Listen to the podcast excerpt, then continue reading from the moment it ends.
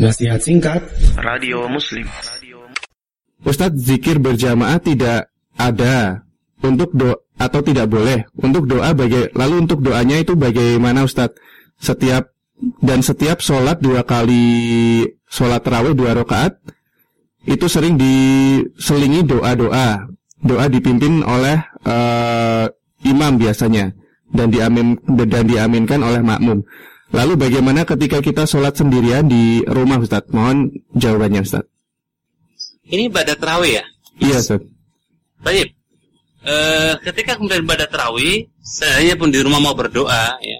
Khususnya adalah doa ketika kemudian di witir itu ya, artinya doa e, akhir atau doa kunut lah ya, kita menyebutnya begitu. Ya berarti kita menggunakan di rumah dengan keluarga kita, dengan anak kita, silakan.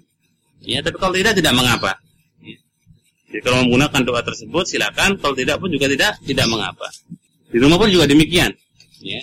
Tapi itu bu, kalau itu yang dimaksud tidak. Tapi kalau doa yang kemudian beberapa yang ada di masyarakat, kalau alam, kalau yang dimaksud adalah doa yang kemudian tidak ditentukan, maka di rumah nggak perlu kita lakukan. Tapi kalau kemudian doa itu adalah doa yang masyru yang diajarkan oleh Rasulullah Shallallahu Alaihi Wasallam, maka kalau kita lakukan di rumah pun juga tidak masalah. Boleh-boleh saja. Nah.